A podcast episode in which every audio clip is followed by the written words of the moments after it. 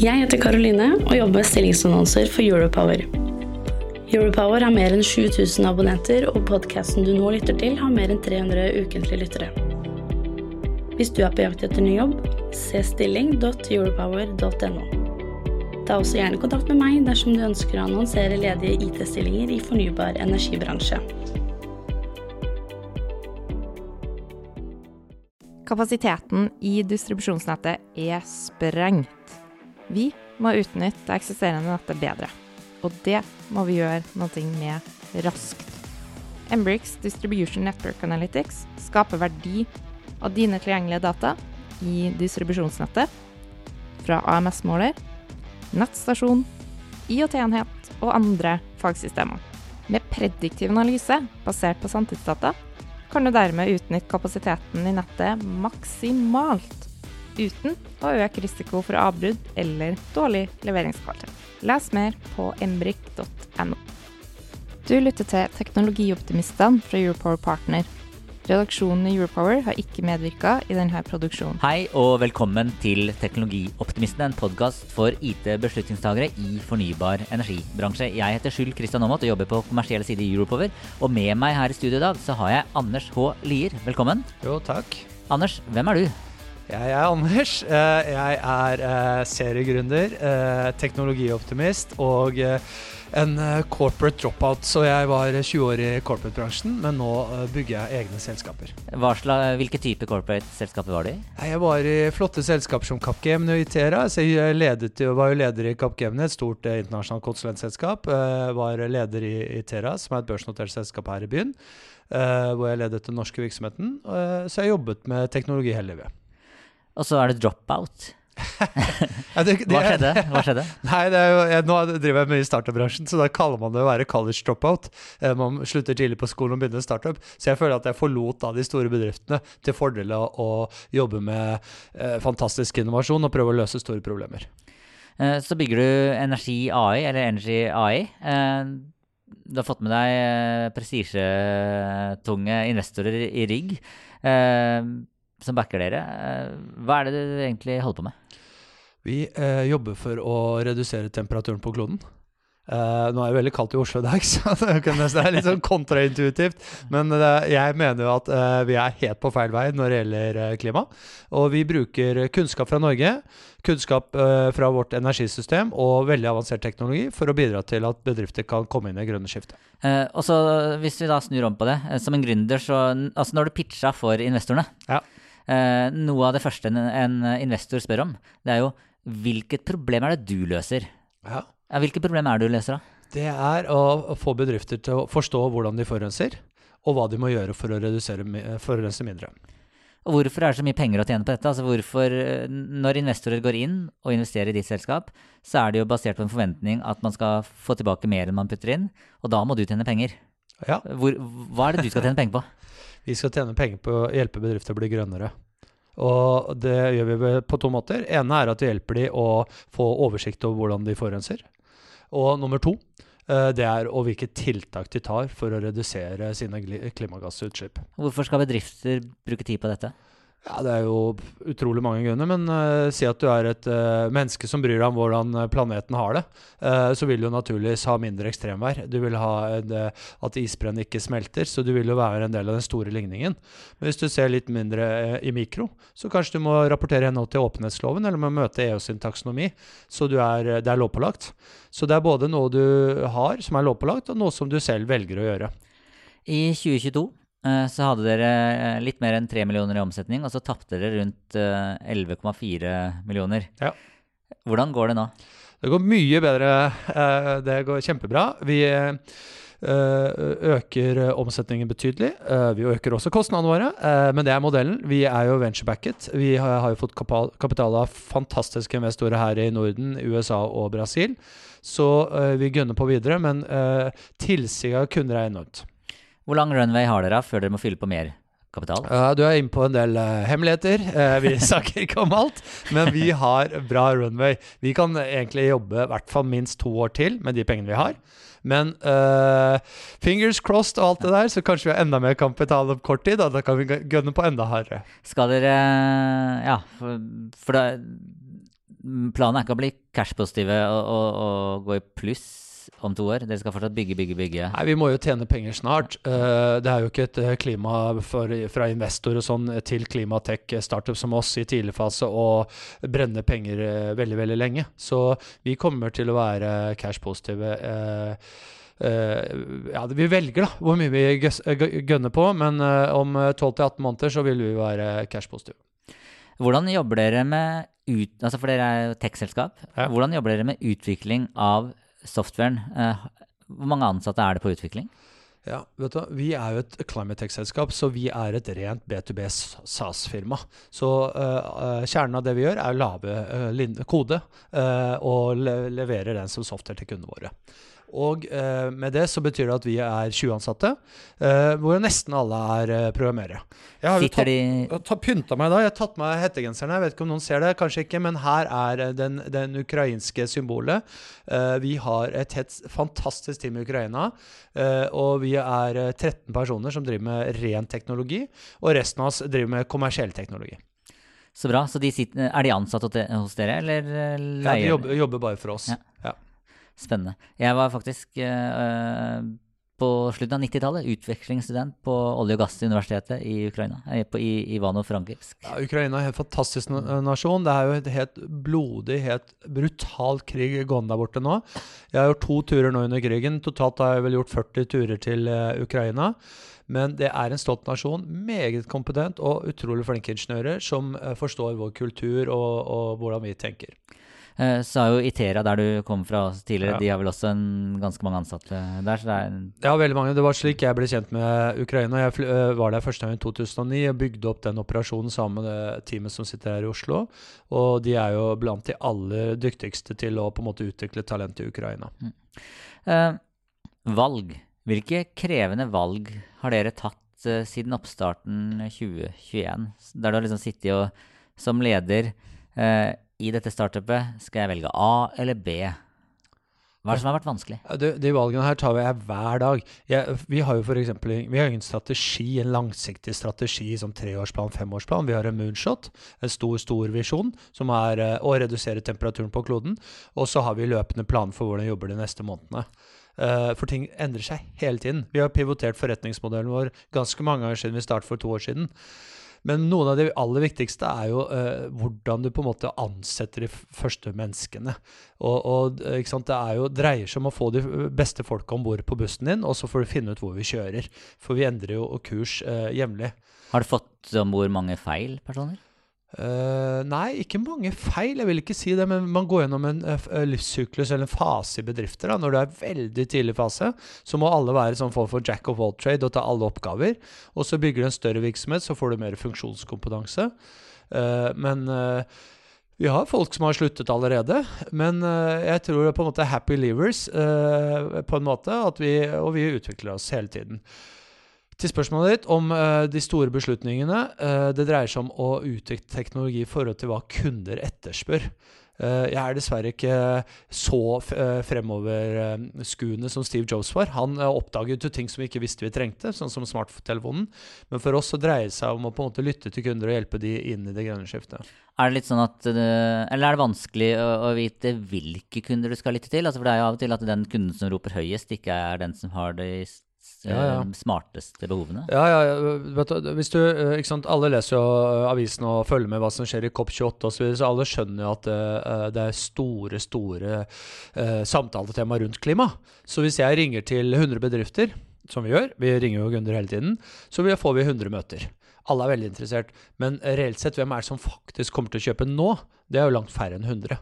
Fordi at de, som kjøper nå, er jo bedrifter som er drevet fram av de regulatoriske endringene. Og så er det de som vil være frontrunners. Så, uh, så, vi bruker veldig mye tid på å tenke kvalifisering. Hvem er det som er det rette? Vi har ikke tid til å uh, kaste bort ressursene våre. Vi har begrensa ressurser i forhold til store, store bedrifter. Så dere jobber med hva er det kaller det? Ideal uh, customer profile? ja, absolutt. Og vi jobber jo både Vi jobber med effektivisering av vår egen virksomhet. Uh, inbound marketing, outbound marketing. Uh, jeg er jo litt sånn old school, har jobbet med relasjonssalg og jobbet mot styrerom og toppledelse, og da blir det, det blir ikke så skalerbart skalerbart. Da. Der ble én selger betjener et sett av kunder. Men vi må tenke helt annerledes. Vi må tenke plattform, partnere, communities. Uh, så det er en helt annen måte salg på enn hva jeg gjorde f.eks. i Capgemini. Ja, for Capgemini og Itera det er jo først og fremst hoder man selger, eller konsulenter? Ja, det, hvis du sier det til dem, så blir de nok litt fornærma. de er flinke til å levere prosjekter og kanskje av og til fastpriser, men det er veldig mye bodyshopping i konsulentbransjen, tror jeg, fortsatt. Uh, vi leverer én ting. Vi har en B2B SAS. Selger lisenser. Jeg treffer Arne Mjøs, konsernsjef i Itera, neste uke, så jeg håper ikke, ja, eh, jeg håper ikke han hørte det. Nei, nei, nei ikke bare hils Arne fra meg. Han er en flott type, han har vært veldig dyktig med Itera. Uh, dere har navnet AI i, eh, i, altså dere har AI i firmanavnet. Ja. Energi.ai. Hvorfor det? Nei, Vi kjøpte det domenet i 2018, vi. Så vi har tenkt på dette i lang tid. Jeg har vært heldig og fått lov til å jobbe med store data, eh, investert i selskaper som har, bruker algoritme, maskinlæring og AI. Eh, jeg gründet jo Katapult sammen med Tarald Nustad, og da investerte vi langt over 100 startups fra 38 forskjellige land. Veldig mange av de bettet jo på AI. Så for meg er det helt naturlig å tenke at eh, kan man finne måter å løse problemer i eksponentielle kurver, ikke lineære. Og hvis du har datasett, så har du mulighet mulighet til å løse ting mye, mye raskere. Dette er jo litt sånn der singularity brainwash. Uh, jeg er jo en alumni fra Singularity University i California, uh, og det har vært grunnleggende Det er fundamentet for Energi AI, er at vi er et datadrevet selskap. Er det litt kjipt nå at også bestemor driver med AI? Altså AI er liksom blitt allemannseie? Nei, det er jo bare helt fantastisk. når, når Gen AI eller ChatGPT kom osv., så, videre, så det, det, var jo ikke sånn at det kom over natten og plutselig var teknologien der, men det som var det nye, var at vi kunne snakke til teknologien, sånn som du og jeg sitter og prater sammen nå. Uh, og jeg snakker jo til uh, Gen AI hver morgen. Uh, nå kaller jeg min Gen AI for Jenny, for datteren min heter Jenny. og jeg snakker til henne hver dag, og vi kommuniserer. Jeg ønsker henne god morgen, og hver kveld når jeg går og legger meg, så takker jeg for en flott dag, og takker for at Jenny har hjulpet meg. La oss bli litt tekniske nå. Jeg sitter med Altså, jeg har jo starta flere selskap. Hvis vi tar et selskap, et generelt selskap jeg ønsker å få kontroll på klimaregnskapet mitt. Ja. Eh, jeg har et regnskapssystem fra Visma eller et eller annet eh, sånt. Eh, og så skal jeg begynne. Hva er det dere har gjort? Altså, hva er teknologien som gjør at jeg får en enklere hverdag? Vi har jo øh, øh, teknologien øh, Det er jo masse teknologi i bunn, men jeg er på en måte en kommersiell i dette, så jeg ville jo sagt at det vi har gjort, er at vi har tatt effektiviseringsprosessen to, to the extreme. det er ingen i markedet som er så effektiv som oss på å håndtere disse dataene lese disse dataene. Hvis jeg begynner å jobbe med deg, så henter jeg de datasettene som er predefinert. Det kan være forbruksbaserte data, det kan være faktura, fra regnskapssystemet, det er aktivitetsbaserte. Ja, du, du som jobber mot strømbransjen, vi kan hente fra de smarte målerne som er i bygget her vi sitter, med mer. Og så tar vi henter dette i en effektiv prosess, og så tar det 72 sekunder i snitt. Så har jeg populert ditt klimafotavtrykk på de tre siste årene. Og da kan det også generere eh, den rapporten som skal inn ja ja, rapporter, ja. Det leverer vi. Men rapporter er, er, det er noe for det, det er lovpålagt, det er noe myndighetene ber oss om. Det er noe på en måte stakeholderne rundt oss ber om. Men det er vel derfor dette virker? Altså, folk bryr seg vel ikke så mye om klima? Det er fordi man må gjøre det? At man kjøper? Jeg tror ikke det, da. Jeg, jeg kom hjem fra COP28 nå på lørdag, og eh, jeg skrev en eh, bloggpost om det i dag morges. Det som er helt utrolig imponerende, er jo at eh, bedriftsledere, store virksomheter, ser at det er store forretningsmessige, grønne forretningsmessige muligheter nå til å ta sine grønne skifte. Og ja, det regulatoriske krav til rapportering er på en måte pisken som pisker oss framover. Men det store boosteren for business er jo det McKinsey kaller green business building opportunity. Du kan tjene enormt mye penger. Det må investeres, et, ifølge McKinsey i hvert fall, 11 trillioner dollar hvert år for å nå Parisavtalens mål. Tenk deg hvor mye penger det er, da. Du trenger ikke å tenke total address på mark for hva vi gjør. Det er bare å prøve å løpe litt fortere enn konkurrentene dine. Uh, det er mye penger. Men uh, hva må til for at du og teamet ditt skal lykkes? Altså hvilke, hvilke milepæler eller hvilke sånn sjekkpunkter har dere for, uh, for at dere skal liksom komme dit du ønsker? Og du, du, skal til månen, ikke sant? Uh, ja, det er moonshot, ja. ja. Uh, nei, vi skal jo til en, en grønn planet som har fire årstider. Um, Åh, det, er, det er mange ting eh, som, som, vi må gjøre. Vi er, vi er datadrevet, så vi er nødt til å, å, å, få millioner av kunder på plattformen. Vi har allerede ti Ja, millioner av bedrifter. Ja, unnskyld, mm. millioner av bedrifter. Ja. Jeg snakker så fort der, så jeg henger ikke helt med. Men, eh, så vi har allerede 10 000 selskap på plattformen som igjen da har uh, over 100 000 underleverandører, så vi har en enorm datalake. Så desto mer du får av det, desto mer samlingsanalyser, benchmarks, pair, uh, du kan gjøre slike ting. Men du kan også gjøre noe som annet som er veldig interessant. Tilbake til spørsmålet hvorfor gjør vi disse endringene? Jo, hvis du driver med atferdspsykologi, så vet du at du må motivere folk til å faktisk gjøre endringen. Det driver vi med. Kapasiteten i distribusjonsnettet er sprengt. Vi må utnytte det eksisterende nettet bedre. Og det må vi gjøre noe med raskt. Embrix Distribution Network Analytics skaper verdi av dine tilgjengelige data i distribusjonsnettet fra AMS-måler, nettstasjon, IOT-enhet og andre fagsystemer.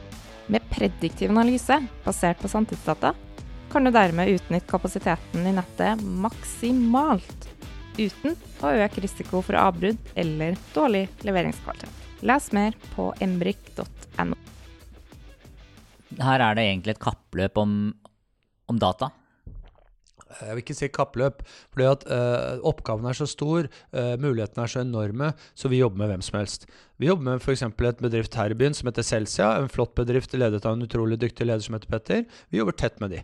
Jeg har i dag sittet sammen med et veldig eh, stort uh, annet tech-selskap her i byen, og vi ønsker å samarbeide med de. Startet en prosess for det. Så vi samarbeider med alle. Når vi skal prøve å bidra til å skape merverden, så kan vi ikke konkurrere med noen. Da må vi samarbeide med alle.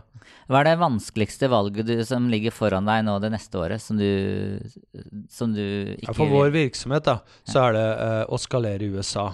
Eh, vi har nå en håndfull kunder i USA. Vi vant et børsnotert selskap i USA i forrige uke.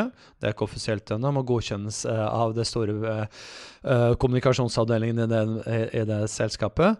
Men vi skal skalere i USA. Og vi ser at vi ligger foran. Vi, du, vi kommer fra det nordiske energisystemet, det mest avanserte energisystemet i verden. Det kan vi skalere på. Jeg antar at du altså, eller jeg vet hva du kommer til å svare, eh, men jeg ønsker å stille spørsmålet. Altså, for dette kan jo bli masse penger for deg. Men hva er det som egentlig driver deg? Eh, motivasjonen er jo ikke penger. Eh, penger er jo et verktøy for at vi kan gjøre eh, så, så, mye som mulig av det vi ønsker. Men hva er det som driver deg? Altså, du, du, satt trygt, eller jeg vet ikke hvor trygt du satt, men du satt i hvert fall høyt eh, i, i, børsnoterte selskap. Eh, tjente sikkert fett. hadde mye makt. Hva er det som driver deg? Jeg, jeg, jeg, er verdidrevet, og jeg ønsker å bidra til å skape en bedre verden.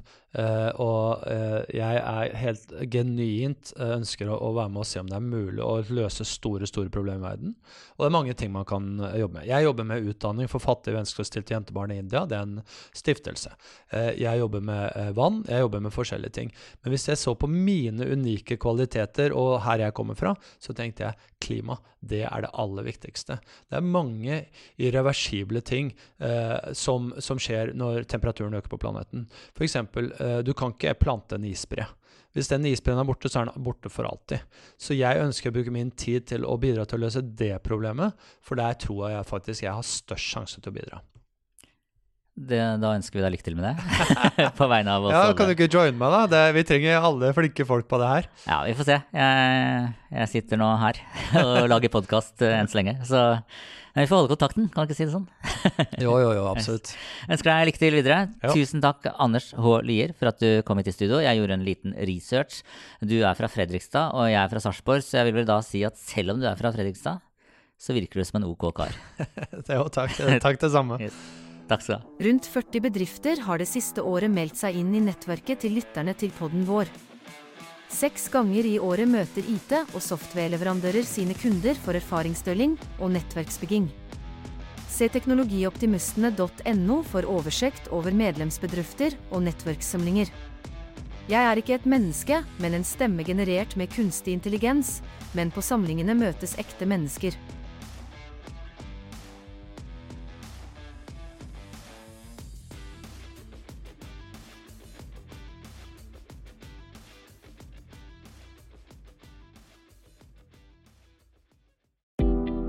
Jeg heter Karoline og jobber med stillingsannonser for Europower. Europower har mer enn 7000 abonnenter, og podkasten du nå lytter til, har mer enn 300 ukentlige lyttere. Hvis du er på jakt etter ny jobb, se stilling.europower.no. Ta også gjerne kontakt med meg dersom du ønsker å annonsere ledige IT-stillinger i fornybar energibransje.